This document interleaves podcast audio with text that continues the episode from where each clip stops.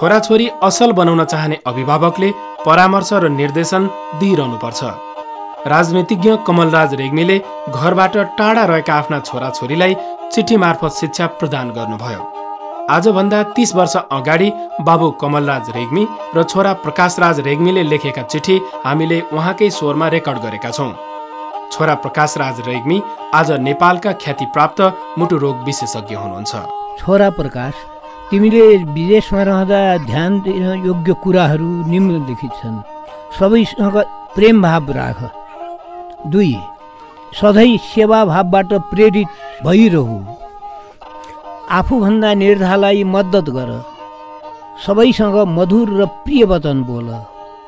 साथीहरूलाई सकेसम्म सहयोग गर। अध्ययन मुख्य ध्येय हो भन्ने सम्झ। सत्ताइस सेप्टेम्बर उन्नाइस सय अठहत्तर काठमाडौँ। तिम्रो बुवा कमलराज रेग्मी।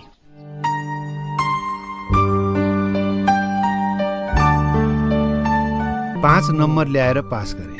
पूजनीय बुवा तथा आमाका चरणमा दण्डवत प्रणाम।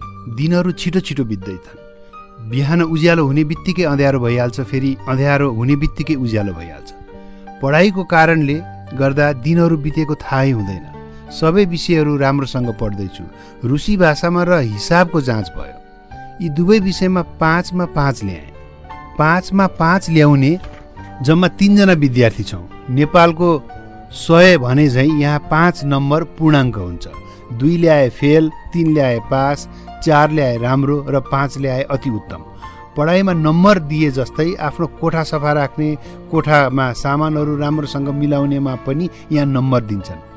कोठा सफाइमा पाएको नम्बर डिन अफिसको अगाडि ठुलो कागजमा लेखेर टाँसेको छ। यो पुरा होस्टेलमा सबैभन्दा सफा र राम्रो कोठा म बसेको कोठा नै भएको छ। कोठा जाँच गर्न सहायक डिनहरू झुक्क्याएर आउँछन्। तिनपल्ट जाँच्न आएकोमा मेरो कोठाले तिनैपल्ट पाँच पाँच पायो। मेरो क्लासको म क्याप्टेन भएको छु। हिजो आज यहाँ हिउँ परिरहन्छ। तर जति हिउँ परे पनि जाडोको कति पनि अनुभव हुँदैन। कोठा तताउने भएको हुनाले भित्र त गर्मी हुन्छ। गर्मीको समयमा यहाँ अति नै गर्मी हुन्छ। यहाँ हाम्रो होस्टेलमा सबै कुरा ठिक छ। यहाँ लुगा धुने र सुकाउने ठाउँ भने छैन। कोठामा एउटा ठुलो हातमुख धुने वास बेसिन छ त्यसैमा लुगा धुन्छौँ र कोठाभित्रै सुकाउँछौँ। जस्तो सुकै लुगा पनि कोठाभित्र एक रातमा सुक्छ। कोठामा एउटा ठुलो किताब राख्ने दराज छ जसमा टन्न किताबहरू मिलाएर राखेका छौँ। उत्तरपट्टिको भित्तामा संसारको नक्सा र लेनिनको फोटो दक्षिणपट्टिको भित्तामा रुसको नक्सा र मार्क्सको फोटो र मेरो खाटमाथि नेपालको नक्सा र चेगेवाराको फोटो टाँसेका छौँ। हिजो आज खाना स्तोलो भाया सरकारी क्यान्टिनमा खान्छौँ। पाउरोटी र सुप बिना कोही पनि खाना बस्दैन। हामीले पाउरोटी खाएनौँ भने यहाँ खिसी गर्छन्। यहाँ आइमाईहरूमा सुनको दाँत राख्ने चलन अति चलेको छ। दस डिसेम्बर उन्नाइस सय अठहत्तर। आज्ञाकारी छोरा प्रकाश।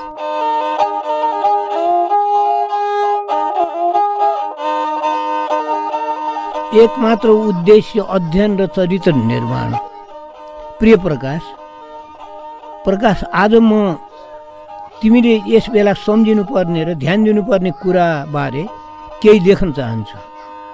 घर मातृभूमि आमा बाबु बहिनी र साथीभाइहरूको सम्झना हुनु अनि उनीहरूप्रतिको मायाप्रति र स्नेहका कुराले भावुक हुनु मानवीय मन र मस्तिष्कमा उब्जने र खेल्ने आवश्यक एवं व्यावहारिक कुरा हुन्। यस्ता भावनाको निर्वाह र संरक्षण हुनै पर्दछ अन्यथा मान्छे अधुरो र अपुरो रहन्छ। तर यसका साथै अहिलेको समयमा विदेश र मुख्य रूपमा तिम्रो चिन्तन र विचार व्यवहार र कर्तव्यका सम्पूर्ण पक्षको एउटै लक्ष्य एउटै केन्द्र हुनुपर्दछ। अध्ययन र चरित्र निर्माण। अध्ययन र चरित्र निर्माणका लागि तिमी आजसम्म त्याग र तपस्याको मार्गमा छौ। यस उद्देश्यमा सफल हुनु नै वास्तवमा तिमीले देशप्रेम घरको माया आमा बाबु बहिनी र साथीहरूप्रतिको स्नेह तथा सद्भाव प्रदर्शन गरेको ठहरिनेछ।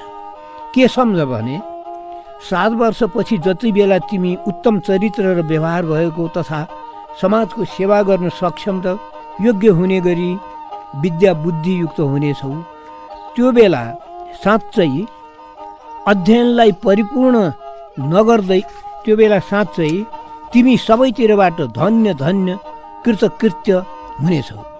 त्यो बेला तिमी जीवन उद्देश्यको मूल कर्म पथमा अगुवा र समर्थ अधिकारी भएको हुनेछौ र हामी तिम्रा सबै आत्मीयजनका निमित्त तिमी हाम्रो आशा पुरा भएको हाम्रो सपना विपना भएको हाम्रो सान्त्वना र आश्वासन जवान भएको तथा हिजोको कलिलो बिरुवाबाट फल र फुलले लटरम्म छायादार वृक्ष भएको हुनेछ।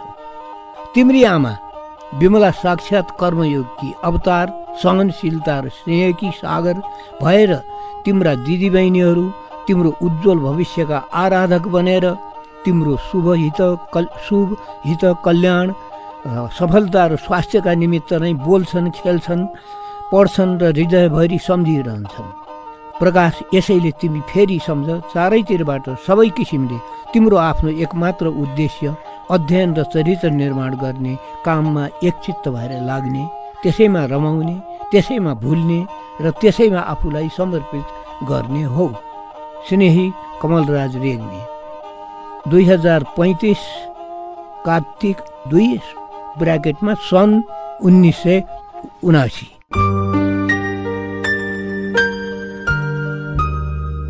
प्रजातन्त्र दिवसमा राजदूतावासले रक्सी र चुरोट बाँड्यो। पूजनीय बुवा तथा आमाका चरणमा दण्डवत प्रणाम। यहाँ जाडो सुरु भएको छ।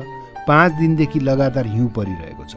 फागुन सात गतेका दिन हामीले यहाँ प्रजातन्त्र दिवस मनायौँ। प्रजातन्त्र दिवस मनाउन हाम्रो राजदूतावासले सात बोतल रक्सी स्कच र पर्याप्त मात्रामा चुरोट पठाएको थियो। भोजमा सबै प्राध्यापकहरूका साथै डिनलाई पनि निम्ता गरेका थियौँ। विदेशी रक्सी र चुरोट बनेपछि यहाँका सबै मक्ख पर्दा रहेछन्। डिनले बढी इच्छा गरेकोले एक बोतल रक्सी उनलाई सगुन स्वरूप प्रदान गर्यो। यहाँका हाम्रा एकजना साथीले रेडियो किनेका छन्। हिजो आज दैनिक बिबिसीको समाचार सुन्छौँ। चारैतिर लडाइँ भइराखेको रहेछ। सञ्जय गान्धीलाई दुई वर्षको कारावास। भुट्टोलाई मृत्युदण्ड। तथा नेपालमा दुईजना राजनीतिक बन्दीलाई दिइएको फाँसीको बारेमा थाहा पायौँ। यस्तो कार्यका लागि पुरा रुसभरिका नेपाली विद्यार्थीहरूले क्षोभ प्रकट गरेका छौँ। चीन र भियतनामको लडाईँले कुन रूप लिने हो? रुसले युद्धभूमिमा प्रवेश गर्नु भनेको तेस्रो विश्वयुद्धको सुरुवात हुनु हो भनेर यहाँका रुसीहरू भन्छन्। आज्ञाकारी छोरा प्रकाश चार मार्च उन्नाइस सय उनासी।